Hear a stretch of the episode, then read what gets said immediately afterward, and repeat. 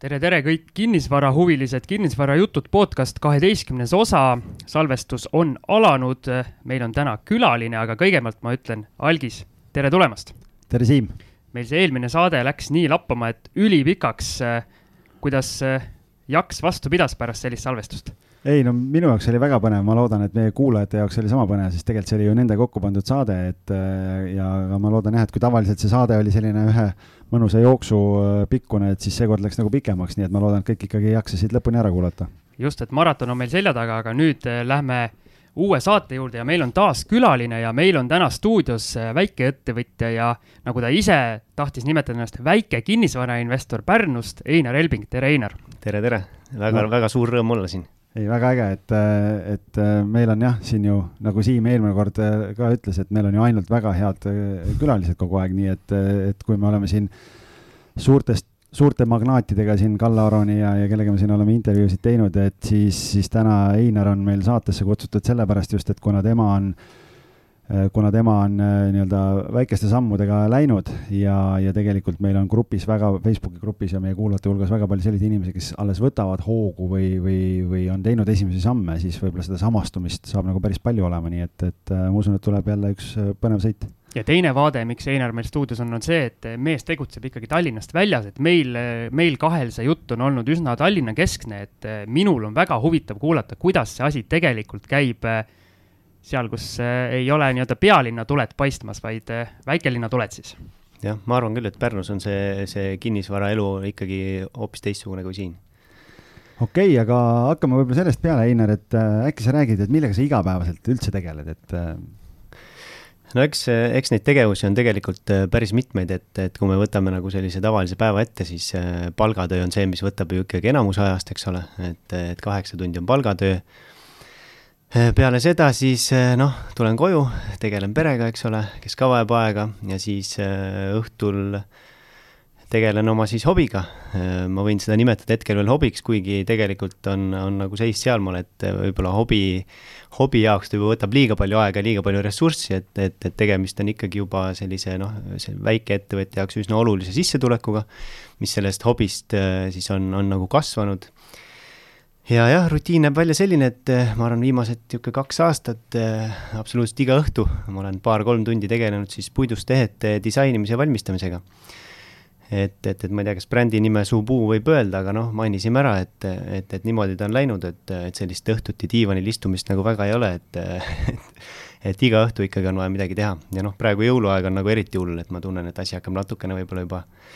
eh, käest ära selles mõttes minema aga minu, või tähendab, mind huvitab see küsimus, et kuidas hobist nagu kasvas sinu jaoks selline nii-öelda ettevõtlusvorm, et kas see oli sul teadlik samm või see kuidagi läks iseenesest nii? tegelikult mitte, et, et kui me üldse vaatame, kuidas see puidust tehete teema nagu algust sai, siis see oli ju puht niisugune praktiline vajadus, et oli vaja siin tuttaval näiteks mingi kingitust teha, eks ole, tegin ühe asja, siis vaatasin, et ahah, see tuli nagu okeilt välja et, et, et siis tegin mingi järgmise asja ja tegelikult niimoodi ta kasvas hästi orgaaniliselt, et ma ei, ma ei, ma ei ole kunagi õppinud mingit puidutööd, inimesed küsivad, kus sa õppinud oled, kas sa oled sa disleriks õppinud või kuskil, mitte midagi. tegelikult see on nagu täiesti nullist äh, mingi aeg äh, ju tulnud ja arvestades ikkagi üsna nagu niisuguses noh, mitte väga äh, esimeses vanuses, eks ole, et kuskil keskkooli või gümnaasiumi ajal või ülikooli ajal, et see on ikkagi suhteliselt hilja tulnud. ja nüüd ma olen paar aastat sellega tegelenud ja ma arvan, et nagu läheb üsna hästi, olen päris rahul pean tunnistama, et äh, piilusin natukene ka ütlen tõesti, et nagu vau, et äh, tõesti mehel on ikka annet antud ja, ja seda silma ja kõik, et äh, aga vaata, kui huvitav, jube hea, vaata, et tahad kodus puhata, noh, nii-öelda piltlikult öeldes onju ütlen tõesti, kuule, ma teen need kõrvarõngad sulle ja siis lähed nagu toimetad, onju, et ja sealt kasvab nagu äri ka veel välja, et noh, geniaalne. jah nii ta on. aga räägi võib-olla natukene sellest, et, et noh, sul on see palgatöö on ju ja nüüd sul on tekitatud sealt ähm, palgatöö kõrvalt see täiendav äh, sissetulek endale, et kas see ettevõtjana teenitav tulu on nüüd selline, mida sa kasutad nagu nii-öelda elamiseks ka või see kõik ikkagi on äh, nii-öelda selle eesmärgiga, et äh, investeerida? jah, et tegelikult on niimoodi, et kogu selle aja jooksul, noh, nüüd seda aega nüüd väga pikalt ei ole, et ettevõtte ma lõin kaks tuhat seitseteist veebruar ja selle puittehete teemaga võib-olla on niimoodi paar aastat tegelenud, et kogu selle ajaga ma ei ole endale ju sentigi palka maksnud. ehk et kõik, mis olen ma teinud, ma olen teinud omast vabast ajast, eks ole, ja sisuliselt eh, noh, mul raamatupidaja vahest ütleb, et sul on nagu sihuke unelmate äri on ju, et sisuliselt eh, tulu võrdub kasum, eks ole. et, et, et selliseid kuluartikleid nagu väga palju ei ole, et see, see, see puidust, see spoon, millega, millest ma neid ehteid teen, et seda kulub nagu tegelikult üsna vähe. Ja enamus, enamus noh, nii-öelda kulu, mis seal on, on minu enda vaba aeg nii et selles mõttes eh, see ongi võimaldanud tegelikult seda, seda noh, nii-öelda kontojääki siis nii palju kasvatada siin paari aastaga, et on võimalik eh, siis osta omale kinnisvaraobjekt, nii ta on. aga kust see huvi investeerimise vastu üldse tuli ja kas see kinnisvara, millest me kohe rääkima hakkame, on su ainus, ainus valdkond, kuhu sa investeerinud eh, või on midagi muud veel? Noh, tegelikult see huvi investeerimise vastu tekkis ka ju nagu ikkagi üli, ülimalt hiljuti, et ma siin vaatasin noh, oma asjad üle siin, et kaks tuhat kakskümmend aasta jaanuaris tegin esimese aktsiaostu. et, et noh, see on ikkagi väga selline hiljutine hobi, aga noh, samas see tähendab ka seda, et see viimane aasta, mis nüüd on sellest kaks tuhat kakskümmend aasta jaanuarist mööda läinud, ma olen nagu igalt poolt imenud seda võimalikult palju endasse, et kuulanud läbi kõik investeerimisraadio podcast'id, eks ole, lugenud läbi kõik need klassikaraamatud, mis te kõik kindlasti teate, on ju et, et selles mõttes see huvi on küll üsna selline lühiajaline, aga seda enam võib-olla selline intensiivsem olnud viimase aasta jooksul, et ma olen nagu üritanud omal asjad üsna, üsna, üsna põhjalikult äh, selgeks teha aga jah, miks just kinnisvara, et see on ka nagu niisugune hea küsimus, et ma ei tea, võib-olla jõuame siin pärast nende esimeste objektide juurde ka, eks ole, või esimese objekti juurde, et see tuli tegelikult natukene niimoodi ootamatult. et ei ole, et ei ole niimoodi olnud, et jah, et jälle kuskilt sealt keskkoolist juba hullult kinnisvara huvitab, tahaks maakleriks saada, sellist asja mul ei ole. no keegi ei taha maakleriks saada, mul tuleb. välja arvatud üks peale minu jah, et äh, aga aga võib-olla ma võtan sammu tagasi, et tegelikult jumala huvitav on see, et noh, kaks tuhat kakskümmend on selline äh, selline, mingi nali oli just, et noh, et kaks tuhat kakskümmend aasta oli niimoodi, et oli jaanuar, veebruar, märts. Äh, ja siis tuli jälle detsember ja vahepeal oli, oli kollaps on ju, või noh, mhm. mis iganes, kuidas me seda nimetame. et äh, jaanuaris tegid esimesed aktsiainvesteeringud yeah kui sa märtsis üles ärkasid, nii-öelda Siim on sellest rääkinud, on ju, ja kuidas, kuidas siis emotsioonid olid või, või tulemused, et mis sul vastu vaatas sealt? noh, mis seal ikka vastu vaatas, eks suur miinus on ju aga ma ei, noh, mul ei ole seal, ütleme, kui me üldse räägime võib-olla natuke sellest investeerimisportfellist üldiselt, on ju, siis tegelikult arvestades seda kinnisvara, siis see aktsiainvesteeringud on nagu väga väike osa tegelikult. ja, ja veel väik-, väiksem osa on seal ühisrahastuses, mis on nagu täitsa omaette noh, maailm minu jaoks, et, et siin, siin seda nagu väga torkida ei maksa, et mul on sealt juba õppetunnid saadud. et eh, jah et, et, et aktsiainvesteeringud üldiselt üsna ikkagi väiksed võrreldes selle üldise portfelliga ja, ainult Baltikumi turul, nii et, et ma, ma ei ole selline eriti niisugune numbrite inimene, ma ei viitsi teha neid süvaanalüüse, et pigem ma olen, kui ma olen midagi võtnud, siis ma olen üsna sellist kindla peale võtnud, eks ole, selliseid pikaajalisi usaldusväärseid ettevõtteid ja, ja noh, sellega see aktsiainvesteeringud piirduvad, et praegu ma ikkagi selgelt eh, ka pigem nagu kogun kapitali, et võib-olla järgmine korter osta, kui paigutada aktsiatesse. aga läheme siis konkreetselt kinnisvara juurde, et äh, ütlesid, et see esimene objekt, mille sa soetasid, see tuli nagu kuidagi juhuse tahtel, et räägi see lugu ära siis kohe. jah, see oli päris põnev tegelikult, et, äh, et, et, et sõbraga sai kunagi, see oli aastal kaks tuhat kaksteist vist isegi jah, ühte väikest sellist ettevõtet tehtud ja ega siis aeg oli selline, et kui, kui ma mainin teile praegu sõna diskgolf, siis võib-olla te teate, mis see on, eks ole, et on vähe inimesi, kes ei tea. aga sel hetkel oli see selline spordiala või hobi, mida nagu väga paljud ei harrastanud. ja meie oleme tegelikult selle diskgolfi ja mina ka, eks ole, selle diskgolfi üks esimesi mängijaid Eestis. et, et kui mina alustasin seda mängimist, siis võib-olla oli neid mängijaid niisugune kümme, kakskümmend, eks ole, nüüd on see number, noh, seda ei julge keegi välja öelda, et see on lihtsalt nii suur ja oligi siis olukord selline, et me tolleaegse parima sõbraga siis äh, mängisime ise diskgolfi ja siis niisugused noored aktiivsed inimesed, et noh, võiks ju nagu kettaid müüa ja, ja, ja võiks ju diskgolfiradasid hakata ehitama, võiks ju koolitusi teha. ja, ja, ja niimoodi me vaikselt nagu alustasime ja sellel hetkel noh, oligi tegelikult see konkurents seal turul nagu üsna väike ja meil õnnestus nagu üsna kiiresti areneda ja üsna, üsna nagu tublilt tegutseda ja kuna siis äh, sõbral oli ka selline huvi investeerimise vastu juba siis, et mina siis toona ei teadnud investeerimisest nagu suurt midagi, kinnisvarasse just, et siis tekkis niisugune võimalus osta Pärnu noh, südalinna. noh, enam paremat kohta peaaegu olla ei saa, osta üks ühetoaline korter, mis vajas siis niisugust väikest remonti, eks ole, tegime selle remondi ära, panime üürile.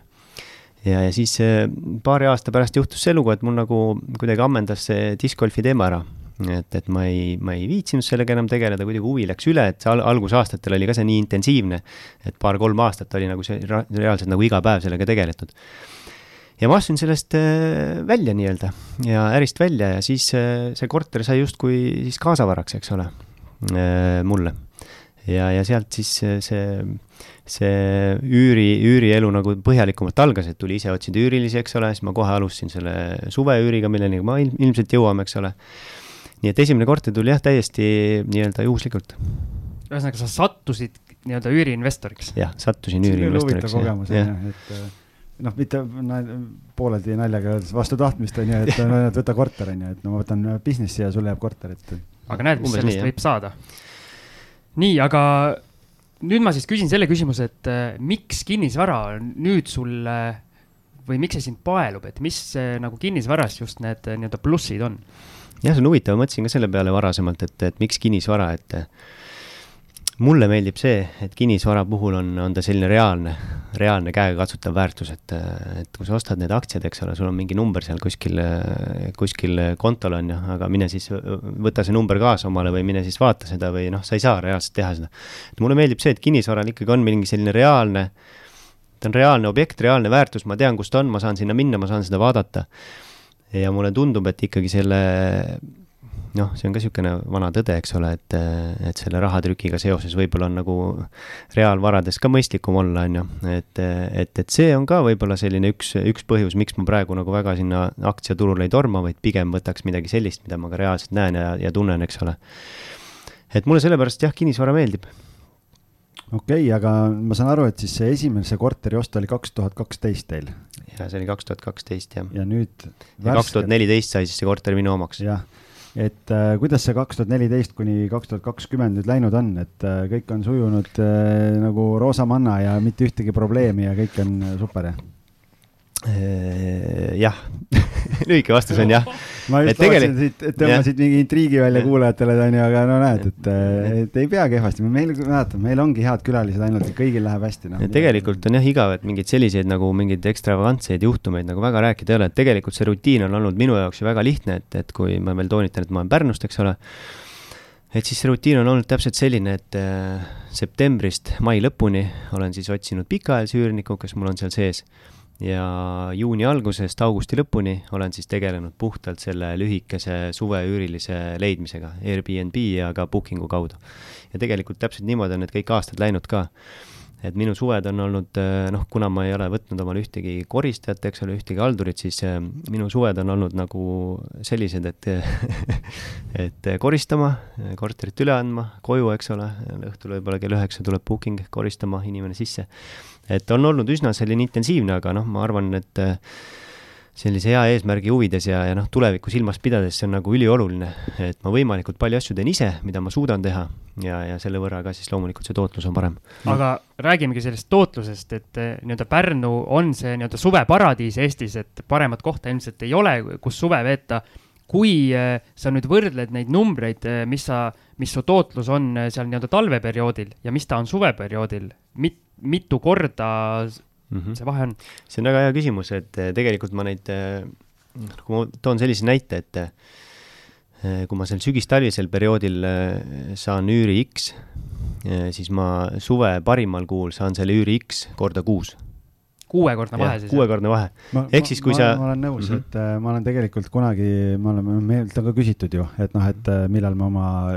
Airbnb haldusteenusega Pärnusse läheme, Tartusse ja nii edasi ja noh, siis äh, me oleme ka ise teinud kalkulatsioone ja, ja mingil hetkel siin, et noh, et osta Pärnusse ja siis me vaatasime ka nii, et kui teha kahe või kolme kuuga teed korraliku tulemuse mm. -hmm siis põhimõtteliselt sul võib pikaajalise üüriperioodil korter tühi olla ja sul on ikka ülihea tootlus. täpselt nii ongi, et ma olen ise, ise arvestanud niimoodi, et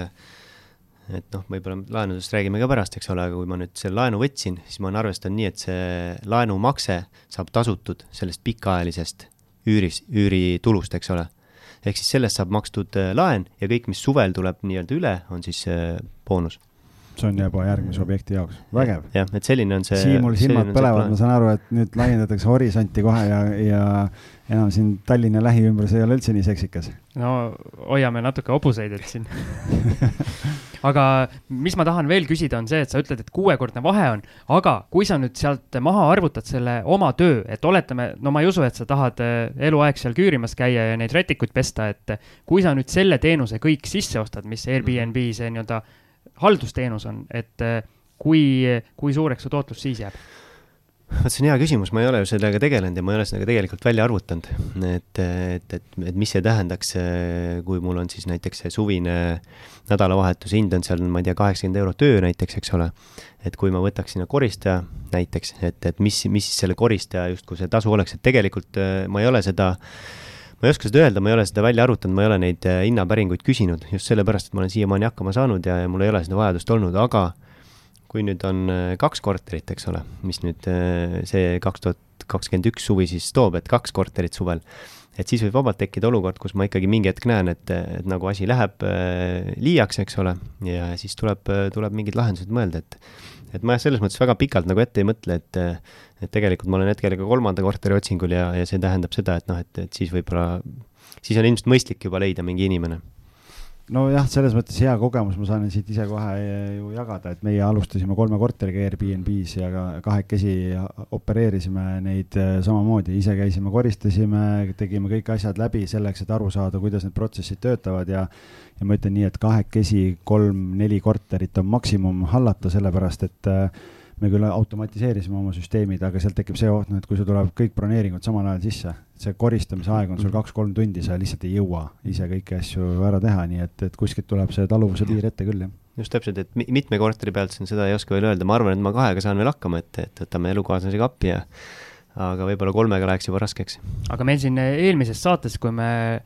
kuulajate küsimustele vastasime, seal oli üks hea küsimus, et eh, kuidas areneda väikesest tegijast eh, suureks, siis eh, siin on üks hea näide, kuidas esimene korter oli, mis ta sul oli, neli aastat siis, eks, siis tuli teine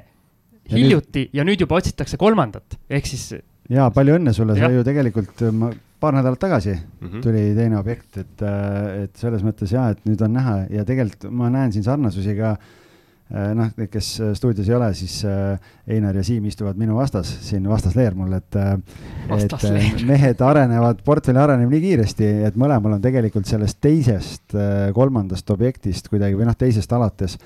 läheb juba kiiremini, et tekib seda kogemust ja, ja isu ja teadmisi ja kõike tekib nagu juurde. Vägev. jah, ega lõpuks ju kõik taandub ka ju kapitalile, et, et seda huvi ja et võib ju olla, et ma tahan osta, aga, aga lõpuks peab kuskilt see sissemakse ka tulema, eks ole räägime nüüd Pärnust veidi lähemalt, et kui sa ütlesid, et see esimene, esimene korter sul Pärnus oli kesklinnas, põhimõtteliselt kõige magusamas kohas. kus on nüüd see teine korter, kas äh, sa jätkad seda kesklinna suunda või on midagi muud? jah, et kui ma siin teist korterit hakkasin nagu pingsamalt otsima, siis sai muidugi neid portaale kammitud äh, üsna pikalt igasugu koputajad peale pandud, aga, aga Pärnu kinnisvaraturg äh, on selline, et ega sinna neid uusi objekte ja just neid objekte, mis äh, mind huvitaksid, ega neid nagu väga palju ja väga tihti ei tule. et minu jaoks on ikkagi üsna sellised kindlad äh, kriteeriumid olid, kuhu ma seda korterit soovisin, kuna mul on selle kesklinnaga nagu üsna,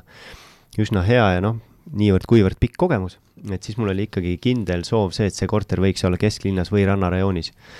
et ma vaatasin küll ka seal neid eh, Papiniidu ja Mai korterid, eks ole, ja isegi üle jõel, aga oma tuttava maakleriga ma sain nagu noh, vestlesin natukene ja küsisin, et, et mis see, mis see reaalselt see vahe on kesklinna ja kuskil üle jõe vahel, siis ta ütles, et tegelikult suve mõttes on see vahe ikkagi tohutu. et kui inimene tuleb, eh, tuleb suvel, siis ta, siis tal on see asukoht oluline. noh, kinnisvara puhul niikuinii me teame, et asukoht on oluline. aga seda enam, et kui sa tuled suvel perega Pärnusse puhkama, sa ei viitsi sõita selle autoga, eks ole, edasi-tagasi et see, kui me nüüd sellest rannakorterist, noh, pärast võib-olla räägime, siis see on noh, enam nagu magusamat kohta ka ei saa olla. et ta on äh, sisuliselt äh, rannast jalutuskäik võib-olla viis minutit, viie minuti kaugusel keskrannast. ja sellisel natukene vaiksemal kõrvalisel teel ka, nii et, äh, et see on jah, selline, ma ise arvan, et suhteliselt niisugune pärl, mis ma leidsin, et ma, ma ei tea, miks ta nii kaua müügis oli, noh, niivõrd-kuivõrd kaua suve suvest alates on ju, oli ta müügis, et,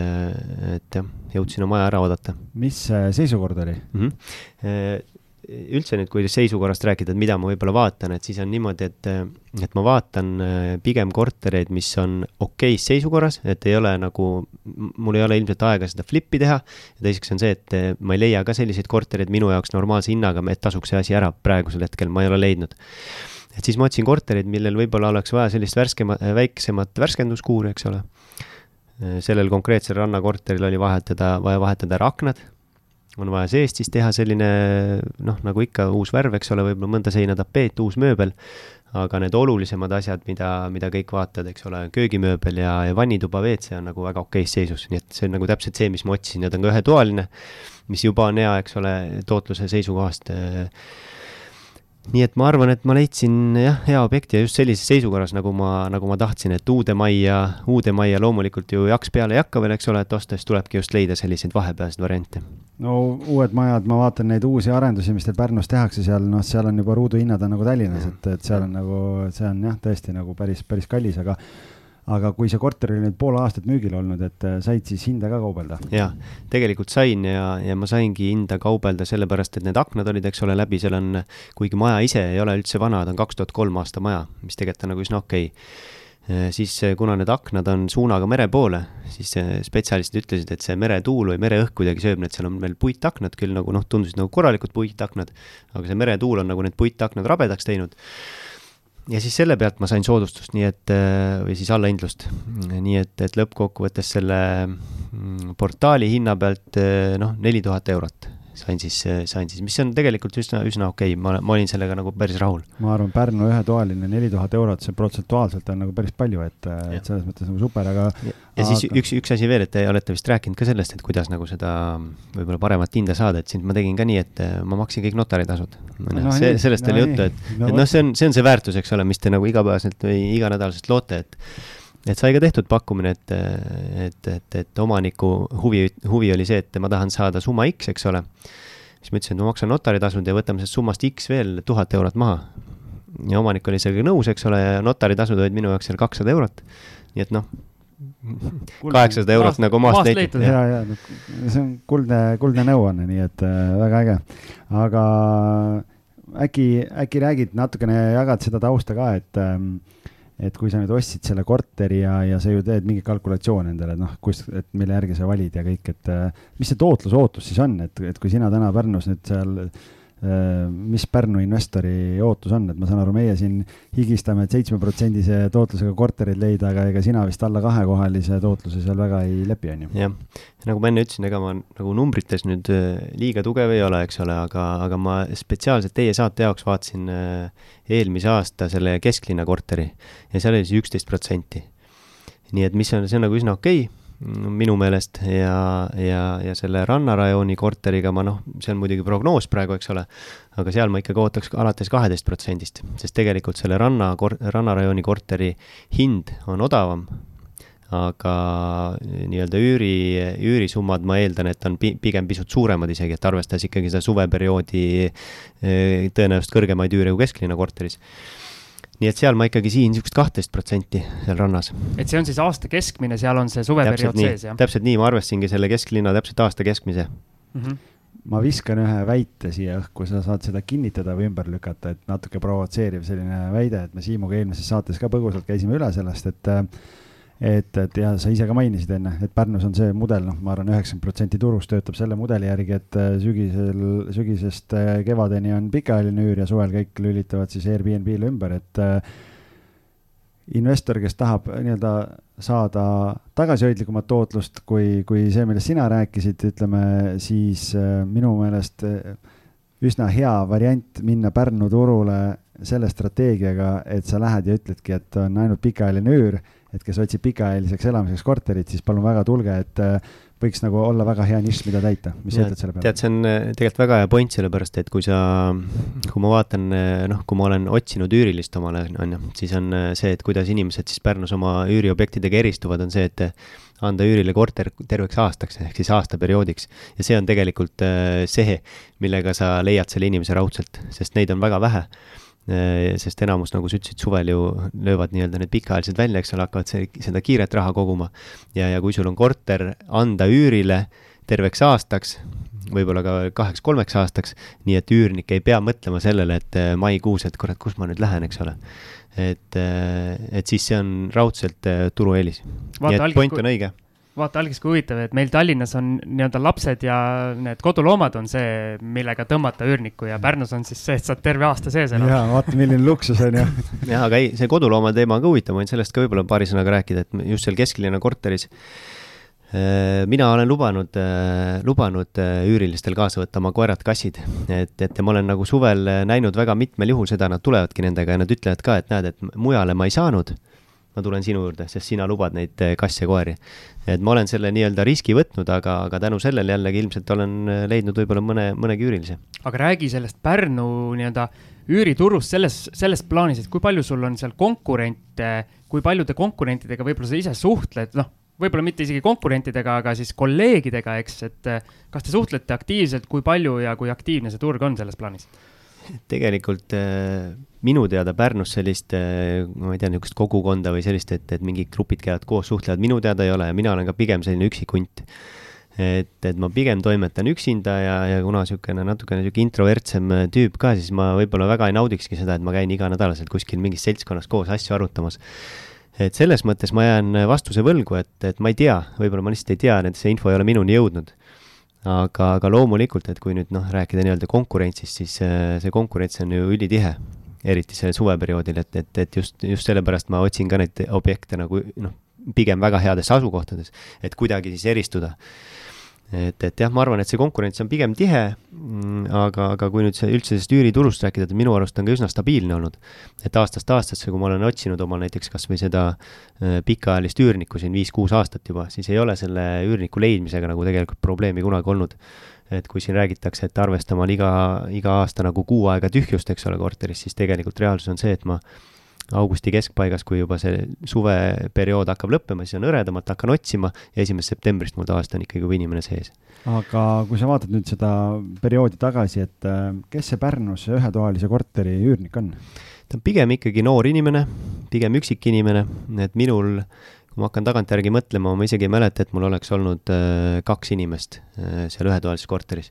et ta on ikkagi noorem inimene, üksik inimene, kes võib-olla tuleb siis Pärnusse tööle, on ka üliõpilasi olnud, noh, selles mõttes klassika ikkagi, et, et kolmeliikmelist pere sinna ühesse, ühte tuppa ära ei mahuta, et need mingid piirid on seal ühetoalise sees. et su see nii-öelda siht on praegu seni olnud väga paigas, et äh, saaks äh, selle korteriga teha suveperioodil seda nii-öelda Airbnb-d, aga oled sa vaadanud näiteks ka nii-öelda Pärnu sealt kesklinnast ja ranna, rannarajoonist kaugemale, et äh, kas siis äärelinna või siis isegi võib-olla kuskile väljaspool Pärnut olevale, olevasse asulasse, et võib-olla tehagi ainult nii-öelda pikaajalist üüri, et kas need numbrid kuidagi klapiksid seal mm -hmm. sinu jaoks? tegelikult ma just äh, viimasel ajal mõelnudki sellele, et kui nüüd leida selline mõistliku hinnaga kolmas korter ja võib-olla üks objekt tegelikult, kui nüüd aus olla, ongi mul siin silmapiiril, mis ei ole kesklinnas, mis on just äh, üle jõel siis ma olengi mõelnud seda, et, et äkki see kolmas objekt äh, pannagi pikaajaliselt. ehk et see võtab minu jaoks seda, natukene seda hullu aega ära, eks ole, kui ma pean võib-olla sel suvel iga päev sõitma. et kui numbrid nagu klapiksid, siis ma olen tegelikult täiesti, oleksin nõus ka sellega, et ma ostaksin ühe korteri juurde ja selle paneksin aastaringselt üürile ja kui see kataks laenumakse ära, see oleks väga okei okay., et see on täiesti reaalne, reaalne stsenaarium võib, võib juhtuda aga nüüd, mis Pärnust välja puutub, siis tegelikult ma ei ole vaadanud ausalt öeldes. Äh, sellepärast just, et, et ma ei viitsi hakata sõitma, eks ole, kuskil kas siis teise linna või, või noh, see tundub minu jaoks nagu natukene liiga, on ju, et praegugi on nagu üsna niisugune kiire, eks ole, et ei ole seda noh, vaba aega nagu just liiga palju. ja siis veel kuskil teise, teise linna korteriga hakata majandama, mulle tundub see nagu liigne tüli et sa ei tegele masohhismiga nagu Siim, et, et ma saan aru, et, et on fookus on mujal. vastupidi, eelmises saates mul jäi parandamata, kui sa ütlesid, et ma nüüd nii-öelda Tallinnast välja võtsin korteri. vastupidi, ma võtsin enda turule ja kui mul on Tallinna korterid, siis mina sõidan kaugemale. okei okay,, õige jah, sul on niipidi, sa elad ju maal. et ma olen puhas maakas. no ma ka, aga ma olen teisel pool, et äh, siis äh, räägime finantseerimisest ka, et äh,, et kuna sul see esimene korter oli olemas, et äh, see esimene korter Äh, on sul siis eraisikuna või ettevõtte all või kuidas, kuidas sul see asi välja näeb? see esimene korter on mul täiesti eraisiku nimel ja laenuvaba loomulikult, eks ole. ja, ja see oli ka, ma arvan, et panga silmis, kui ma nüüd tahtsin seda rannarajooni korterit osta, oli panga silmis nagu üsna suur pluss. ehk et mul on äh, üks objekt, mis mul juba toodab äh, igakuiselt rahavoogu, eks ole ja ma selleks, et pangast paremaid tingimusi saada, siis ma olin nõus täiesti selle kesklinna korteri andma lisatagatiseks ehk et, et pank vaatas seda ju loomulikult eh, täiendava nii-öelda riski maandamisena enda jaoks. ja, ja selles suhtes, eh, selles suhtes läks nüüd pangaga, pangaga hästi ja, ja loomulikult ka, kuna see omafinantseeringu osa oli ikkagi seal kuskil nelikümmend protsenti, üle neljakümne protsendi, siis, siis tegelikult see laenu saamise protsess käis nagu üsna, üsna kiiresti, üsna, üsna nobedalt, et seal nagu mingisuguseid takistusi ei olnud, et kõige suurem äh, mure oli sellega, et, et raamatupidaja käest oli vaja saada siis bilanssi ja kasumi aruannet, aga kui raamat, kuna raamatupidaja oli paar näda-, paar nädalat varem lapse saanud, eks ole, sünnitanud, siis kõige suurem takistus oli, takistus oli see, et need äh, bilansid ja kasumi aruanded sealt kätte saada. et, et kui need dokumendid olid juba olemas, siis tegelikult äh, pangaga, ma ei tea, kas seda panga nime võib öelda, aga aga pangaga läks see suhtlus üsna, üsna libedalt ja üsna kiiresti. ikka võib öelda, ma arvan, et. meil võib kõike öelda. et tsensuuri pole. ma küsisin tegelikult äh, pakkumist reaalselt ainult kahest pangast. ma küsisin Swedist ja LHV-st, aga kuna ja tegelikult lõppkokkuvõttes Swed tegi natukene parema pakkumise, kui sa vaatad ainult seda puhtalt intressi aga kuna kogu see ettevõtte elu käib seal LHV-s praegu, siis ma ikkagi nagu enda jaoks hakkasin mõtlema, et hakka neid asju kõiki, eks ole, ümber kolima ja ma olen LHV-ga nagu ülirahul tegelikult. ja LHV minu arust kogu see teenindus ja kogu see suhtumine minusse kui klienti on olnud ülimalt eh, hea ja positiivne, hästi kiire. siis ma pigem neelasin selle väikse intressi nii-öelda tõusu alla, LHV-s oli natukene kehvem intress ja, ja võtsin, võtsin pigem sealt. mul on siin äh hea, hea soe kuulata nii-öelda seda Einari juttu juba mitmes punktis, täpselt samad, ütleme siis, samad asjad, mida mina olen läbi elanud, mul samamoodi LHV-ga suurepärased kogemused, noh, hea kiita neid siin, kuna on head tööd tehtud, aga lähme korraks väikesele pausile ja siis jätkame nende rahaasjadega pärast väikest vahekõlli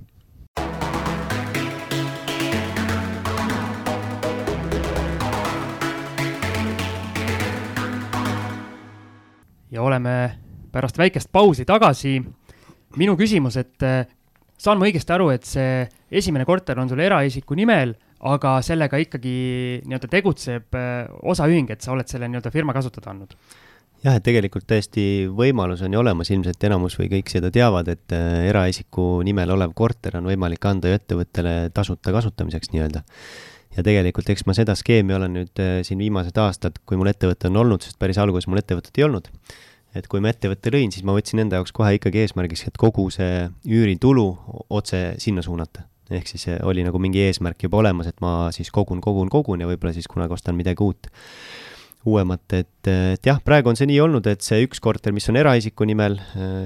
see kogub siis tulu ettevõttele ja nüüd teine korter on ostetudki ettevõttele, noh, seal on selles mõttes nagu lihtne et, et nii, et, et praegu siis sisuliselt kahe korteri üürid laekuvad see ettevõtte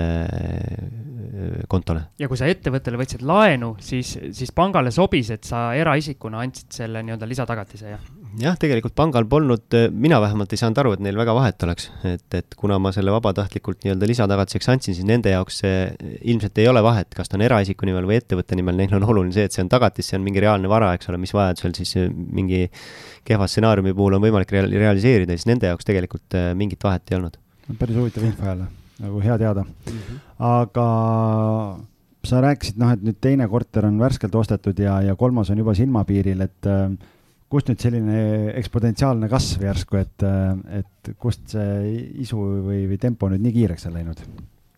no ma ei tea, eks see on vist see ka, et, et, et süües kasvab isu või kuidas see nagu ütlus on, eks ole et kuna ma ikkagi noh, nagu silmad säravad ja ma näen, ma näen seda, seda kasvu, seda kapitali kasvu, mis sealt iga, iga, igakuiselt tuleb, eks ole, et ma sisuliselt ilma igasuguse vaevata mulle, mulle tuleb mingisugune rahavoog iga, igakuiselt. Ja loomulikult need suvekuud ka, et et need panevad veel enam silma särama, eks ole, kui me vaatame, mis nagu, mis, mis tulu sealt igal suvel kaasneb, siis mulle lihtsalt tundub, et see on kuna see investeerimishuvi on olemas, siis see, see on nagu see varaklass, mis hetkel pakub mulle kõige rohkem. ehk mul on huvi selle vastu, ma näen, et sellega kaasneb nagu piisavalt, piisavalt suur tootlus, eks ole, minu jaoks ja, ja selles mõttes ma noh, nagu ma ennem ütlesin, et ma isegi hetkel ei kaalu seda, seda vaba raha investeerimist kuskile aktsiatesse või ühisrahastusse, vaid ma pigem kogun nüüd uue sissemakse summa, eks ole, oma finantseeringu ja pigem vaatan uut korterit, et selline on see plaan. aga mul tekkis kogu seda juttu kuulates selline küsimus, et kas sa seda ei karda, et kui nüüd see meie saade laiade massideni jõuab, et kõik Tallinna üüriinvestorid äh, hakkavad tunglema sinna Pärnu poole ja sul läheb see järgmise objekti leidmine veel keerulisemaks? No eks ma ikka kardan, aga aga ma arvan, nagu siin alguses ka jutuks oli, et ega see, see teises linnas toimetamine, ega see nagu nii lihtne ei ole. et, et kui äh, et mina ei kujutaks ette, kui mul näiteks Tallinnas korter oleks, on ju, et kuidas see nagu siis elu välja näeks, et ma samamoodi ei kujuta ette Tallinna inimesele, et, et Pärnus toimetada, et noh, sa võid seda distantsilt teha, aga see tähendab sinu jaoks ju lisakulutusi raudselt, eks ole. et, et, et kui sa ise seal Pärnus kohapeal ei käi, et see tähendab kindlasti mingisuguseid lisakulutusi. sellepärast ma arvan, et ega ta nagu väga, väga atraktiivne ei ole, eriti sellise väikeinvestori ühe-kahe korteri omaniku jaoks, et siis pigem vaatad koduligidalt. et kui sul on võib-olla seal juba sada korterit, eks ole, sul on asjad välja töötatud, siis on selge, et sa võid vaadata ka Pärnusse aga jah, ma noh, selles mõttes ma eriti, eriti ei karda. ma siinkohal teen kohe üleskutse, et kui on Pärnu või Tartu või muu piirkonna investorid, kes tahavad Tallinnas äh, korterit osta ja kardavad, et haldamisega hakkama ei saa, siis võib mulle kirjutada ja ja kuna meil on äh, haldusteenus klientidele, siis, siis me saame, saame selle koha pealt aidata, seal lihtsalt siis peab üüri tootluses noh, korrektuure tegema, korrektuure tegema jah, aga, aga vähemalt on see nii-öelda ajaline nii-öelda mure on murtud, et kui mingi mure on, siis, siis keegi tegeleb. aga algis, jah. kas te tegelete suvel, suveperioodil siis lühiajalistega täpselt samamoodi jah, et inimene tuleb, koristab, laseb sisse uued üürilised? ja no meil on Tallinnas on äh, ikkagi Airbnb korterid, mis on, on aastaringselt isegi Airbnb-s, nii et ja, ja meil on jah, koristajad ja kõik on olemas ja kõik käib automaatselt, kogu suhtluse, kõik asjad teeme klientide eest ära, kuni nii-öelda sada protsenti passiivne rahavoog on äh, investoritele, nii et, et jah. mugavust, mugavusteenus. sellepärast ongi Pärnust ja Tartust ka küsitud, et ja, ja noh, lihtsalt me oleme noh, täpselt seesama, mis Einar ütles enne, et, et minna kuskile ühe korteri pärast hakata koristajat leidma või kedagi, kes seal nii-öelda klientide murede korral kohale läheks on nagu keerulisem, aga kui on nagu rohkem ühikuid, ma ei tea, seal viis või kümme või noh, siis saab juba vaadata, et see on nagu nendele inimestele ka motiveeriv, kelle me sinna leidma peame, et, et ei ole välistatud teistesse linnadesse minek, aga, aga see nõuab natukene suuremat ettevalmistust lihtsalt sa enne oma selle esimese korteri kohta ütlesid, et kõik on nii roosamanna olnud, et kõik on hästi läinud, et aga on sul mingeid nagu õppetunde ka jagada meie, meie kuulajatele, et eh, mida, mida teha, kus sa oled võib-olla mingid koolirahad maksnud eh, või midagi sellist? No aus olla, siis ega neid koolirahasid siiamaani kinnisvara alal väga maksta ei ole tulnud õnneks. ehk et, et ma olen need, need üürilised kõik kenasti üle elanud, mul ei ole huvitaval kombel ka nende suveüürilistega olnud probleeme, isegi siis, kui meil oli siin see kuulus Weekend Festival, eks ole, mida kõik kartsid, eks ole, et et ärge neid oma korterisse laske, et lõhuvad nagu pilbasteks laiali, siis siis reaalsus oli see, et äh, läksin hommikul sinna, korjasin need tühjad trummipudelid kokku, eks ole, ja, ja sellega oli, sellega oli tegelikult asi ka lahendatud, et, et mul ei ole tõesti pakkuda kuulajale sellist mingisuguseid häid, ma ei tea, õppetunde, millega ma olen nagu hirmsasti puusse pannud, mida võib-olla kindlasti on nagu huvitav kuulata, aga, aga mul lihtsalt ei ole neid hetkel, et võib-olla kui siin neid äh, objekte tuleb rohkem, eks ole, et siis, siis on neid õppetunde ka rohkem, ma arvan, et teil on neid kindlasti rohkem rääkida, et, et mul jah, hetkel, hetkel ei ole, kuidagi on läinud libedalt see mis ei tähenda, et see nii peaks jätkuma muidugi võib-olla see Pärnu elu on lihtsalt nii rahulik ja mõnus, et lust ja lillepidu. kui sa ikka suvitama lähed sinna, ilm on ilus, rand, ilusad yeah. tüdrukud rannas, et mida sa seal korteris ikka lõhud nii väga? võimalik, jah. no eks enamus käibki võib-olla magamas seal enam, enamus aja mm., et, et selles mõttes on ta nagu okei okay,, aga, aga vaatame nagu, ma ei tea, aasta edasi või, või viis aastat edasi, et mis see kaugem eesmärk sul on selle kinnisvaraportfelliga, et kus sa välja tahad jõuda? Mul ei ole kunagi olnud mingit sellist uh, ulmelist uh, eesmärki, et mul peaks olema siin, ma ei tea, kümme või kakskümmend või sada korterit, et pigem ma olen ikkagi selline põhimõte, et nagu tasa ja targu on ju, et kui siin ütleme, mingi see alustavatele inimestele ka öelda, siis pigem nagu alusta rahulikult. et alusta, alusta väikselt, alusta pigem nagu soodsamatest objektidest, et, et mul ei ole olnud kunagi mingit sellist uh, eesmärki saada mingiks su suureks magnaadiks, eks ole, et. erinevat siimust. jah, erinevat siimust, et. see on algise, algise minu suhu pandud sõnad või midagi, võid nii öelda, et ma mingit jah, räägime edasi. aga noh, sel-, selge see, et, et mingil hetkel, nagu me kõik ju ajame taga seda, eks ole, seda mingisugust vabadust, eks ole, et ma ei, et ma ei pea selle palga pärast enam seal tööl käima. mis ei tähenda seda, et ma ei käiks edasi tööl, sest mulle näiteks hetke, hetkel olev palgatöö mulle väga meeldib. et, et kõik on väga hästi, aga mis juhtub, kui, eks ole, et, et siis on alati mingisugune selline varuvariant olemas et, eks me seda nagu kõik ju lõppkokkuvõttes taga ajame, eks ole, mingil hetkel võiks see, võiks see, võiks see aeg saabuda ja noh, kui nüüd asi kõik nii läheb, nagu, nagu ta siiamaani on läinud, siis ilmselt see, ega see ka väga kauges tulevikus just ei ole, et ma võtaks korra siit võib-olla sammu tagasi selle koha pealt, et meil eelmine saade, kui meil olid need kuulajate küsimused, et siis tegelikult seal oli päris mitu küsimust selle tooniga, et siin oli noh, et keegi on just alustanud äh,, tahab osta esimest, keegi, kellelgi oli küsimus, et kuidas kasvada väikesest suureks et me oleme täna arutanud siin seda, et et sul rahavoog tiksub, on ju, sa oled esimesest nüüd ostsid teise, sa, sul on palgatöö sissetulek ja sa palgatöö kõrvalt on sul nii-öelda hobi või, või, või nii-öelda täiendav sissetulek ka veel, mida me ka Siimuga soovitasime, et tasub õppida, tasub mõelda, milline on see teenus või oskus, mida sa saad pakkuda, et omale ettevõttele täiendavat rahavoogu tekitada. et äh, võib-olla tõmbame natuke konteksti selle koha pealt, on ju, et äh, et äh, kui palju seal Pärnus see üks ühetoaline korter maksab, mis suurusjärgust me räägime? no need objektid, mis, mis mina vaatan ja mille peale ka mul nii-öelda need äh, kuulsad koputajad on kõik peale pandud, eks ole, et mina vaatan sellist äh, suurusjärku kolmkümmend viis kuni nelikümmend viis, viiskümmend tuhat. Mhm. ehk siis selle hinna eest sa saad sellises normaalses nii-öelda noh, sellises korras, et sa võid selle, selle üürilise koha sisse saata, sellises korras ühetoalise korteri et, et noh, loomulikult see hind varieerub, aga, aga minu nii-öelda hinnaskaala on, on see hetkel. Et ma vaatan selles, selles hinnaskaalas ja, ja, ja noh, kui nüüd vaadata ikkagi jälle seda Pärnu turgu, siis ega sinna neid, selles skaalas neid pakkumisi ei tule, et, et neid koputajaid mulle siin tuleb võib-olla, ma ei tea, paari nädala jooksul võib-olla korra tuleb, eks ole, et saabus uus objekt, aga üldiselt neid on ikka ülivähe, vähe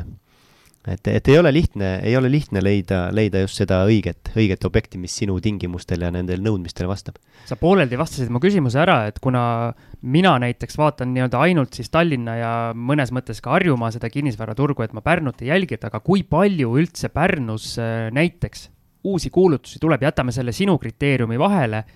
äh, aga üldse, kui palju kinnisvaraobjekte Pärnus näiteks päevas müügile pannakse portaalidesse? Vot seda ma ei tea, ma isegi ei tea, kuidas seda statistikat vaadata sealt, et palju neid juurde, juurde tuleb, et, et tegelikult ma nagu igapäevaselt ka ei surfa seal, et ma tean, et teil vist on äh, selline haigus pigem jah, selline hobi, et, et niisugune püsisurfajad, et ma pigem nagu iga päev seal, päev seal ei surfa, ei vaata, mis on juurde tulnud, et, et ma hetkel küll vaatan, äh, ootan pigem neid koputajaid, eks ole.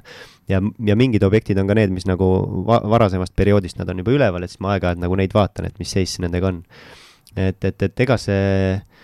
see kinnisvaraturg nagu liiga elav ei ole just, eks ole, et me siin Tallinnaga ilmselt võrrelda ei saa, et et, et, et küll ei saa öelda seda, et objekte ei müüda, et mul nagu tuttav maakler ütles, kui ma küsisin ka ühe niisuguse objekti kohta, mis, mis nagu võiks huvi pakkuda, küsisin, et, et mis seis sellega on ja, ja noh, kas saaks vaatama tulla, siis ütles, et juba notar, eks ole ja tegelikult päris mitme objektiga, mis oli veel portaalis üleval, ma helistasin, tundsin huvi, öeldi, et juba on läinud. et tegelikult see turg on praegu noh, võib-olla niisugust üldisemat pilti vaadata, nagu üliaktiivne et, et no, et maakler ütles mulle, et kuule, et pigem on probleem sellega, et uusi korterid ei, ei tule peale, kui sellega, et neid, neid vanu ei müüda ära, nii et, et et mis ikkagi vähegi, vähegi on, on turusituatsioonis sellised optimaalsed lahendused ja head variandid, need ikkagi ära lähevad. Hea näide, noh, täpselt paralleeli ju tuua Tallinnaga, on ju, et, et ei ole näha kuskilt seda turu jahtumist ja kui on ikkagi õiglaselt hinnastatud õiged asjad, et, et siis kõik toimib ja, ja läheb, aga, aga mida sa võib-olla saad soovitada nendele inimestele, et ma tulen nüüd selle eelmise, oma eelmise küsimuse juurde tagasi veel, et noh, et, et kes siin võtavad hoogu või, või tahavad kasvada, et, et et äh, mis nõuandeid sa saad anda, et kuna sina oled nii-öelda kuidagi noh, nii muus eas oma, oma sissetulekuid kasvatanud ja, ja tänu sellele saanud, saanud oma nii-öelda portfelli kasvama, et et kui nüüd mõni meie kuulaja tahab äh, sarnaselt sinule äh, järgmisi samme astuda, et mis need parimad nõuanded on võib-olla, mis sul, mis sul nii-öelda öelda on neile? no selline elementaarne asi on see, eks ole, et eh, kui inimene käib näiteks palgatööl, siis hakka säästma, eks ole. Et see on nagu niisugune esimene primaarne asi, et, et, et, et tekita endale see harjumus, nagu minul on nagu eraisikuna, noh, ma, ma igakuiselt säästan, eks ole, seal sinna viiekümne protsendi kanti. Ja, ja, ja tekita omal see harjumus säästa ja, ja, ja mis puudutab võib-olla selliseid neid, kõiki neid hobisid ja kuidas sa seda lisa, lisasissetulekut saad teha, siis äh,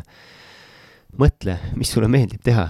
Ja, ja mõtle selle peale, et kui sulle midagi meeldib teha, kas keegi on või, nõus ka selle eest maksma, eks ole, noh, tegelikult need on nii elementaarsed asjad. aga ma just näen seda, et, et see palgatöö kõrvalt täiesti on võimalik äh, aastast aastasse ka tegeleda mingisuguse nii-öelda hobiga, mis lõpuks äh, kasvabki nii suureks, et, et ta võib kujuneda sinu tööks, ta ei pruugi kujuneda, sa võidki ta jätta selliseks pigem hobiks aga mis ikkagi toob sisse, et, et minu arust see ei ole nagu üldse võimatu, et, et palgatöö kõrvalt õhtuti kas või alustada mingi asjaga, et et võta kas või mingisugune Youtube on ju videosid täis, ma ei tea, õpi turundama, õpi mingeid videosid tegema, mis iganes, eks ole, ja hakka oma teenust pakkuma. tegelikult ju praegu on ju ülilihtne äh, selle kõigega alustada nii et ma arvan küll seda, et ega see lõppkokkuvõttes see inimese motivatsioon on ju kõige olulisem, eks ole. et, et ega niisama ei, ei ütle sulle keegi, ei kingi midagi, et sa pead ikkagi ise nagu kuskilt alustama, et, et leia endale mingid huvid, millega sulle meeldib tegeleda ja katsu need kuidagi siis pöör-, pöörata selliseks, et keegi maksab ka sulle selle eest, et et nii ta võiks olla, tegelikult kõik ju elementaarsed asjad, aga, aga võib-olla on vaja üle rääkida aeg-ajalt ja mõelda Need on Einarilt nii kuldsed sõnad, mulle meeldib, meeldib see, et sellest jutust jääb just kõlama, et eh, ikkagi ise tuleb vaeva näha, ise tuleb tööd teha ja kui isegi sul on need eh, investeerimiskorterid, ongi, sa pead seal, kui sa Airbnb-d pakud, võib-olla esimese, esimese kahe korteriga sa teedki seda mm -hmm. nii-öelda musta tööd ka ise, et päris nii ei saa, nagu siin Algis on ka öelnud, et hakkad investeerima siidikinnastes ja ootad, et kõik sinu mm -hmm. eest ära tehakse, et eh, nii need asjad ei tööta. aga mida ma tahtsin küsida, et kui sul see koputaja tuleb kord kahe nädala jooksul kas lööb nagu pulsilakke ka, kui sa nii-öelda näed oma, ma ei tea, telefoni ekraanilt, et nüüd midagi tuli? no miks ta ei löö, et ega ma ütlen, et kuna see sihuke, vabandust, igapäevane, igapäevane asi ei ole, siis ega siis just äh, mitu minutit ei võta, et ma selle lahti klikin, eks ole, see käib ikka sekunditega, et, et vaatan üle siis, mis ja kus ja, ja, ja mis hinnaga nii et eks see on muidugi huvitav vaadata ja siis ju alati on ju need koputajad ka sellised, mis ju sinu huvi pakkuvate objektide hinnaalandusest, eks ole, annavad märku. et noh, see on nagu teine asi, et, et vaatad, kui mingid objektid on nagu ära markeeritud, siis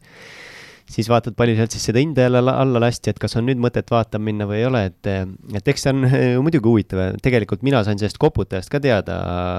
kinnisvarajuttude podcast'ist, et, et et järjekordne pluss, et mina seda ennem ei teadnud, et, et selline põnev asi on seal olemas, et ma määran oma parameetrid ära ja mulle tuleb kohe info, infosõnumiga, et et selles mõttes väga jälle huvitav asi, mis ma sain siit podcast'ist teada. super, nii et, et Siim, meist on ikka mingit kasu ka siin. jah. midagi, midagi ikka. aga kui sa nüüd saaksid aega tagasi kerida ja uuesti alustada, et, äh, et võtame, ma ei tea, näiteks kas on sinna kahe tuhande kaheteistkümnendasse aastasse, et, äh, et, äh, et kui sul sõber seal rääkis ja ostsite selle esimese korteri, et kas teeksid midagi teistmoodi ka? tegelikult pigem mitte, et, et ma olen nagu mõelnud ka selle peale, et, et, et kui nüüd tagasi mõelda, et mis ma teeks teistmoodi ja mis ma oleks teistmoodi teinud, et, et et kinnisvara mõttes kindlasti mitte midagi tegelikult, sellepärast et ma ei ole kogu aeg kogenud selliseid suuri fopaasid, eks ole, mingeid suuri, suuri selliseid eh, kriise, kukkumisi. et, et ainuke asi, noh, mis nüüd, eh, mida ma olen ise nagu mõelnud, et mida ma teeksin teisiti, ma ei tea, kümme-viisteist aastat tagasi, siis kindlasti on see, et ma oleks omal selle säästmisharjumuse nagu varasemaks sättinud, et et ma nagu noh, nii-öelda jutumärkides hirmuga mõtlen, et mis oleks siis, kui ma oleks võib-olla kümme aastat tagasi alustanud eh, noh, nii nagu ma umbes praegu toimetan, on ju et, et, et see on nagu kõige suurem asi, et millegipärast, kuigi ma olen nagu käinud ju tööl eh, pikka ja pikka aega, eks ole, et millegipärast nagu varasemalt ei olnud seda harjumust või ei olnud seda tunnet, et näed, nüüd ma hakkan kõrvale panema ja koguma millegi jaoks. et see on ikkagi tekkinud selline noh, viimase aasta-pooleteise jooksul tegelikult alles et, et ma jah, noh, kui nüüd midagi nagu nii-öelda kahetseda, siis tõesti seda, et ma varasemas nooruses ei hakanud juba sellele tähelepanu pöörama. ehk et kasvõi nende väikeste summade kaupa kõrvale panema ja mingi hetk võib-olla sul ongi see sissemakse koos, eks ole, puhtalt selle säästmise pealt, mis tekib aastast aastasse. ehk et me teame, et investori parim sõber on ju aeg, eks ole, et, et üleöö ei juhtu siin maailmas midagi, et et kogud aasta, kogud viis aastat ja sul on ikkagi arvestatav number koos. seda me kahetseme kõik, et me varem ei alustanud, see. põhiline, põhiline asi. aga me nüüd natuke siin hüpleme teemalt teemale, aga -hmm. kui sa rääkisid eh, nende objektide hinnast, mis eh, sinu sinna vahemikku mahuvad, et eh, aga võtame ühe sellise, ma ei tea, nelikümmend kuni nelikümmend viis tuhat maksva objekti Pärnus, räägime pikaajalisest rendist, et kui suur see üürisumma seal nii-öelda Pärnu erinevates piirkondades umbkaudselt on, pane mingid sellised mm -hmm umbkaudsed parameetrid paika meil? no ma võin rääkida nii palju, kui ma ise tean enda kogemust, et ega ma teiste mm, ju üürihindasid nii otseselt ei tea, ma olen küll maaklerite käest küsinud, aga minu jaoks äh, nii palju, kui ma olen küsinud, noh, näiteks seesama üks korter, mis ma nüüd nii-öelda kolmandaks korteriks olen siin piilunud, mis, jääb siis kesklinnast kaugemale, sinna kuskile Rääma kanti, eks ole et, et saatsin maak-, oma tuttavale maaklerile selle lingi ja küsisin, noh, et orienteeruvalt, mis see aastaringne üür võiks olla, noh, ta ütles, et umbes kakssada et, et ütleme väga jämedalt öeldes on siis selline kakssada kuni kakssada viiskümmend on, on see ühetoalise korteri, Pärnu ühetoalise korteri üürihind, et kui me nüüd võtame puhtalt seda pikaajalist üüri. Et, et sinna suurusjärku ta jääb ja sellega ma olen ka arvestanud. ja, ja see on, on siis see, millega tuleb arvestada selle omafinantseeringuga, et need numbrid nagu omavahel kenasti jooksma hakkaks, sest nagu ma ütlesin, siis minu puhul ikkagi ülioluline on see, et oleks see positiivne, see laenumakse ja siis üüri, üürivahe, et ma kindlasti ei oleks nagu nõus võtma sellist riski, et, et ma lasen selle miin-, negatiivseks nii-öelda, et, et jah erinevate minuste Konser-, konservatiivne, selle koha pealt ikkagi väga konservatiivne, et ma, kuidagi tundub nagu, eriti alust-, noh, ikkagi suhteliselt alustades, et mulle tundub see nagu kindlus maksab ka midagi, eks ole, et, et ma olen suhteliselt kindel, et see, et see üürisumma tasub selle laenumakse ära, on ju, kuigi ettevõttel on ju noh, see muu, muu sissetulek ka, et noh, ma, ma olen üsna kindel, et ma hätta ei jääks selle laenumaksega, aga ikkagi nagu tundub kuidagi selline minu jaoks niisugune mõistlik tee, kuhu minna jah, kui ma neid numbreid kuulan, siis tegelikult noh, nii-öelda täiesti suhestuvad Tallinnasse, lihtsalt vahe on selles, et äh, ostuhind on kallim ja, ja üürihinnad on ka natuke kallimad, aga mm. nii-öelda suurusjärkude mõistes väga, väga enam-vähem nagu parlanksis lihtsalt jah, nii-öelda Pärnusse sisenemisbarjäär on väiksem mm, -hmm. et Tallinnas sellise hinnaga sa leiad ühetoalisi, aga siis sa leiad selliseid nagu meie uue maailma leidsime, on ju, et äh, et, et siin on vaja sellise hinnaskaalal korterites ikkagi arvestatav remont teha, aga, aga pärast jah, kui remont ära teha, siis on üür ka muidugi suurem jälle, nii et et igal pool on omad plussid, omad miinused, et tundub jube ahvatlev minna kuskile Jõgevale või Tartusse mm -hmm. või Pärnusse, aga aga distantsilt teha jälle ja, ja kui piirkonda ei tunne ka, et kui Siim enne küsis, et kui nüüd kõik kappavad Pärnusse, siis ma arvan, Einar hõõrub käsi, et väga hea, kõik need äh, mõttetud objektid ostetakse ära ja siis paremad äh, munad jäävad alla sealt, on ju, et, et kui turgu ei tunne, siis on väga lihtne ämbrit kolistada. kas siis võib nagu nii-öelda suures pildis siis öeldes on nüüd küsimus mõlemale, et nende Pärnu ja Tallinna hindade vahe nii objektil kui üüril on siis niisugune kolmandik nagu? ma ei tea, seda peab küsima, mis Tallinnas hinnad on, ma ei ole jälle kursis sellega, et. noh, ühetoaline korter, ütleme Mustamäel seal ühetoaline korter maksab sul, sõltub seisukorrast, ütleme noh, norm-, normaalne keskmine seisukord, elatav seisukord, ütleme seal kuuekümne tuhande kanti ja üür on kuskil kolmsada kuni kolmsada viiskümmend. Mhm. et. kas see suurusjärk ongi siis enam-vähem jah, et, selles mõttes Siimu, Siimu arvutuskäik on õige, et istu kohale, viis mm. -hmm. mul ei ole tooli toodud, algis, mis värk on jah, aga noh, sul peab oma seisukoht ka olema, et, et vähemalt siiski, on ju. aga kas on mõni selline küsimus, mida me ei ole täna küsinud, et, et mille koha pealt sa mõtlesid autos, et noh, et seda kogemust tahaks jagada, võib-olla midagi, mis meie kuulajatel oleks huvitav teada või, või kuulata? Ei oskagi niimoodi öelda, et, et noh, ega soovitus on see ikkagi see, et kuskilt nagu pihta hakata, on ju, ja ega soovitus on ka see, et, et, et ikkagi ammutada esialgu endasse neid, neid teadmisi, mis on võimalik saada siit ja sealt, on ju, et et, et ma ei kujutaks ette, et inimene nagu hommik ärkab üles ja nüüd teeb oma esimese ostu, et seal ikkagi eelneb mingisugune eeltöö, et, et võimalikult põhjalikult ennast kurssi viia selle turuga, kus sa konkreetselt siis tegutsed, eks ole võimalikult palju kuulata erinevaid eh, podcast'e, praegu on ju noh, kõik on ju tasuta saadaval, et ainult võta omale aeg ja kuula ja ime need teadmised endasse, loe raamatuid. et ega siin selles mõttes ju mingisugust äh, erilist teadust ei ole, on ju tegelikult, et kinnisvara, noh, mulle tundub, et on nagu üsna selles mõttes lihtne, lihtne ala, et võrreldes nende aktsiate ja muude asjadega, et noh, sul on nagu üürisumma, eks ole, sul on korteri hind on ju, sa vaatad, kas need asjad enam-vähem nagu klapivad, et noh, tegelikult see tundub nagu see olemus, et üsna lihtne on ju kõik. mis ei tähenda, et muidu, kui see on siis sisse süüvida, et see, et see nii oleks, aga aga ma küll julgen öelda, et kellel ikkagi vähegi huvi on äh, selle vastu ja kellel on see, on see algkapital olemas, siis ma vähemalt äh, prooviks, katsetaks, sellepärast et ega sa seda objekti maha ju saad alati müüa, on ju. et kui sa leiad omale ikkagi sellise mõistliku hinnaga objekti, siis äh, osta see ära, proovi, proovi üks suvi näiteks, kas sulle meeldib see kas sa, kas sa viitsid käia seal koristamas, eks ole, kas sa viitsid selle üürnikuga seal tegeleda, et proovi, kas sulle meeldib see.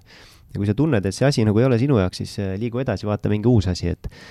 et, et ma soovitan küll, et noh, ilmselt seda podcast'i kuulavad inimesed, kes ikkagi sellest teemast nagu huvitatud on, siis, siis ma ütleks küll julgelt, et proovi, aga, aga aga proovi siis niimoodi, et mitte võib-olla nagu täiega peale lennata, vaid pigem nagu tagasihoidlikumalt on ja jäta omal kindlasti mingi puhver. et, et alusta nagu väiksemalt, et ma ei julge jah soovitada, et nagu koos äh,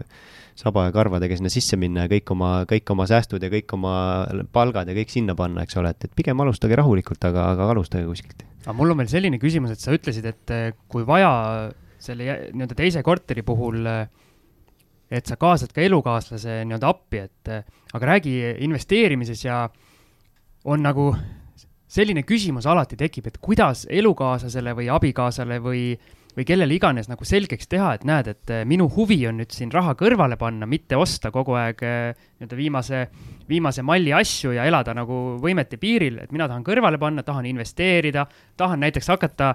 ostma kortereid ja neid kellelegi välja üürima. et kuidas sa, kas sina oled pidanud oma elukaaslasele nii-öelda selgitama seda teemat või tema on sinuga ühes paadis algusest peale olnud? eks ikka selgitada on tulnud, aga, aga õnneks on see, et ta on nagu üsna minuga, minuga sama, samas paadis, samade mõtetega, et, et me oleme neid asju nagu koos arutanud ja, ja on ka temal eh, nii-öelda minu abiga küll väiksed investeeringud tehtud, siis küll aktsiatesse sellised noh, nii-öelda lihtsalt tunnetuse saamiseks et aga õnneks me oleme jah, selles mõttes suhteliselt niisuguse sarnase suhtumisega, et, et ei ole vaja neid äh, viimaseid iPhone'e ja, ja, ja, ja ma ei tea veel, mis imevidinaid, eks ole, et et pigem oleme sellise minimalistliku nagu elustiili pooldajad, et noh, et et isegi jõulude ajal nagu tundub, et, et kogu see krempel on nagu hulluks läinud, et kui lapsed need kingitused avavad, eks ole, siis kahe minuti pärast on need nurgas, eks ole, noh, siis mõtled, mille jaoks jälle see on ju nii et, et, et jah, mul ei ole tulnud oma elukaaslast nagu väga, väga selle, selle koha pealt moosida ja, ja kuna noh, me ikkagi elame nagu noh, nii-öelda normaalset elu, et et, et me ei pea selle jaoks, et, et näiteks mina saaksin investeerida või mingit korterit osta, et me ei pea selleks tegema nagu elu, elukvaliteedis mingeid tohutuid järeleandmisi, et et siis ei ole sellest nagu probleemi tekkinud, et et, et lihtsalt tegelikult see nagu lihtsad asjad on, et sa ei, sa ei kuluta nagu mõttetult, on ju, sa mõtled, mida sa ostad, et sa ei, sa ei osta sellist emotsiooni osta, need on jälle kõik siuksed nii elementaarsed asjad, aga aga samas, kui sa nendest kinni pead, siis mina olen selle noh, ma, ma julgen ka öelda, et ma olen nüüd aasta aega nagu selle mõtteviisiga nagu elanud, et tegelikult see nagu muutus on tohutu. et, et kui sa mõtled, mis, kuidas sa ennem nagu oma rahaga ümber käisid, kuidas sa kulutasid, et oh, poes mingi äge asi, noh, ikka ostad, eks ole siis nüüd ma käin poes ja mul ei teki nagu niisugust tunnet ka, et ma mingit uut vidinat tahaks saada või mingit, ma ei tea, uut kella või uut telefoni, et noh, lihtsalt ma, see mõtteviis on kuidagi muutunud täielikult selle viimase aasta jooksul. samas, et mõtled, et millest ma nagu ilma olen jäänud, siis tegelikult nagu ei olegi millestki, et elu on täpselt samasugune, eks ole. aga sõprade ja tuttavatega, kas sa oled nagu pidanud oma neid seisukohti kuidagi kaitsma ja näiteks kas sa oled mõnele sõbrale äkki mingi ka sellise kinnisvara impeeriumi kasvatamise pisiku sisse süstinud? Tegelikult veel mitte, kuigi ma nagu pingsalt ootan, millal esimesed küsimused hakkavad tulema, et, et mõni huvi tunneb. ja, ja tegelikult olen ka ikkagi mõelnud seda, et noh, nii-öelda noh, mitte nüüd just peale suruda, eks ole, aga, aga, aga küsidagi on et, et, et kuidas sul läheb, kas sa oled huvitatud teemast, eks ole, kas ma saan näiteks kuidagi aidata sind oma kogemustega. et, et selles mõttes on see väga hea küsimus, et, et seda, kui mul on mingisugused teadmised, et seda jagada, on ju, sest noh miks ka mitte siis enda tut-, tuttavate ja kasvõi sugulaste hulgas on ju, et kuidas, kuidas alustada on ju, mida vaadata, mida mitte vaadata, et et ja eks ma olen nagu mõelnud seda, et võib-olla kunagi nagu ka nagu kogukonnapõhiselt teha mingisugune, ma ei tea, kas mingi ümarlaua teema on ju, et, et, et kuna ma olen, elan nagu Pärnu linna sees küll, aga natuke nii-öelda linnast väljas et siis eh, võib-olla seal kogukonnas midagi luua, mingisugune grupp näiteks inimestest, kes ongi huvitatud, ma tean, üks tuttav mul on, kes samamoodi teeb eh, üks elektri, elektriteenuseid pakkuv ettevõte, temaga juhuslikult sattusime rääkima, et tema nägi, et ma kuskil Facebookis midagi kommenteerisin mingite aktsiate kohta, siis ta küsis, oh, näe, kuule, sina investeerid ka, et kuidas sul läheb, noh. siis hakkasime niimoodi rääkima, et ma ei teadnud üldse, et inimene sellega tegeleb, eks ole, aga me nagu juhuslikult hakkasime vestlema nii et see nende kogemuste vahetamine on loomulikult oluline, et ma nagu ise, ma ei ole nagu selline inimene, kes nagu kuidagi ise nagu hirmsasti initsia-, initsiatiivi omab ja neid, seda rahvast nagu kokku ajaks, aga tulevikus miks mitte, et kui neid kogemusi on juba rohkem, siis ma arvan, et see on täiesti võimalik. nüüd läbi meie saate Einar saab äh, mitu korda ja. kuulsamaks siis. väga hea ja vaata, kui sõber midagi küsib, ütleb, et kuule, ma ei viitsi sulle hakata ise rääkima, et vaata, näed, siin on link, kuula ära, onju. et äh, jube hea, noh, mugav et ega esimene soovitus ju ongi see, et kuula need eh, kinnisvarajutud ja need osad läbi, noh. tegelikult see on ju kirjutame alla kohe käega. et seal on ju need, eh, need kõik, noh, enamus asju on juba ju olemas sellesama kümne saatega, eks ole. proovime järjest saateid juurde teha ja meil, ütleme nii, et kui me alguses, algisega mõtlesime, et noh, et me paar saadet teeme ja siis on nagu kõik räägitud. vaatame, kuidas läheb, jah siis neid teemasid nagu pressib nii palju peale, et kogu aeg tahaks nagu uue, mingil uuel teemal nagu ise ka targemaks saada, et mm -hmm. tundub, et need teemad selles valdkonnas otsa ei saagi. ja, ja kusjuures just, et, et tegelikult ma vist mm, teie sinna gruppi panin selle küsimuse ka, et pigem nagu kutsuge või uurige nagu väikeinvestoritelt, alustavatelt ka, et et tegelikult see saade on nagu ülihuvitav ja kuulata, aga hästi, et mul tekkis see mõte siis, kui oli kell, ma ei tea, kes teil see külaline oli, kellel oli nagu tõesti, ma ei tea, sada korterit või ma ei tea, kui palju. Kalle Aronin. jah, jah, et tema oli, et siis mul tekkis see mõte, et okei okay,, seda on nagu äge kuulata, et, et noh, kus nagu inimene on. Aga just see, et, et kuulata nagu seda inimest või neid inimesi, kes on tõesti nagu alles ülialguses, on ju. et võib-olla, võib-olla sellel podcast'i kuulajal, kellest enamus, ma eeldan, ikkagi ei ole saja korteri omanikud, on ju. et nendel võib-olla ongi just huvitav kuulata seda, et, et kuidas seda päris see algus siis käib, on ju, et sellepärast ma nagu selle idee sinna välja pakkusin ka, et. ja siis äh, said kohe selle bumerangina kohe, kohe, kohe lajatas postkasti kiri, et tule Tallinnasse jah, et ega kui ma selle postituse sinna tegin, siis noh, ega ma ei saa salata, et mul nagu hetkeks käis see mõte läbi peast, on ju, et mis siis, kui, et noh, et kui, kui kutsutakse, et kas mul oleks midagi rääkida, aga ega ma tegelikult arvasin, et ega mul nagu suurt midagi rääkida ei ole, et, et. no meil on tund aega täis räägitud no, ja räägiks veel. räägiks veel jah, kui. et, et, et ma jah, ma ei leia, et, et ma nagu justkui ise midagi erilist teinud oleks, et aga võib-olla mõne teise jaoks on, olen, ma ei tea. ja aga kui sa just selle pointi välja tõid, et nii-öelda need algajatel on nende algajate lugusid nagu parem kuulata, kuna see on hoomatav, siis jah, siis ma arvan, sina oledki nii-öelda suurepärane külaline sel, selliste külaliste otsa meil siin lahti mhm. tegemas, et. Ja ma arvan, väga inspireeriv saade oli, et, et, et ma usun küll, et, et siin need, kes on veel kõhelnud, et said täna veel seda innustust juurde. ja minul oli ülimalt huvitav kuulata just seda Tallinnast väljas äh, oleva investori nii-öelda teemat ja seda. ega tuleviku mõttes ju miks mitte ju vaadatagi, et näiteks äh, sarnased minule võib-olla Tartu inimene, eks ole, võib-olla kuskilt Ida-Virumaalt, et tegelikult seda erinevate regioonide sellist infot on üli, üliäge nagu omada, on ju, et sa nagu näed ka suuremat pilti kui ainult Tallinnat või Pärnut. Et see on nagu väga oluline noh, kui me kõik maakonnad ette võtame, Siim, siis meil jagub siin kolme aasta jagu materjali veel ja kõik linnad ka, nii et. ja võib-olla just põnev, et mis nagu väikelinnades, päris väikelinnades toimub, on ju, et see on täitsa võib-olla omaette maailm, me ei tea, me ei hoomagi seda, on ju, et mis seal need üürihinnad on, mis seal korterihinnad on, see oleks väga huvitav no,. meil on siin nimekiri külalistest on juba, juba üsna pikk, on ju, keda kutsuda, nii et ma usun, et siit seda põnevat materjali jagub mm. -hmm aga ma arvan, et siinkohal äh, meil ongi tund aega täis, äh, õige aeg on äh, otsad kokku tõmmata aitäh, Einar, et äh, leidsid aega, et tulla, aitäh, Algis, et äh, aitasid seda saadet vedada. aitäh sulle ka. ma tänan. alati puhas rõõm. jah, ja kohtume juba uutes saadetes, kuulmiseni. kõike head. väga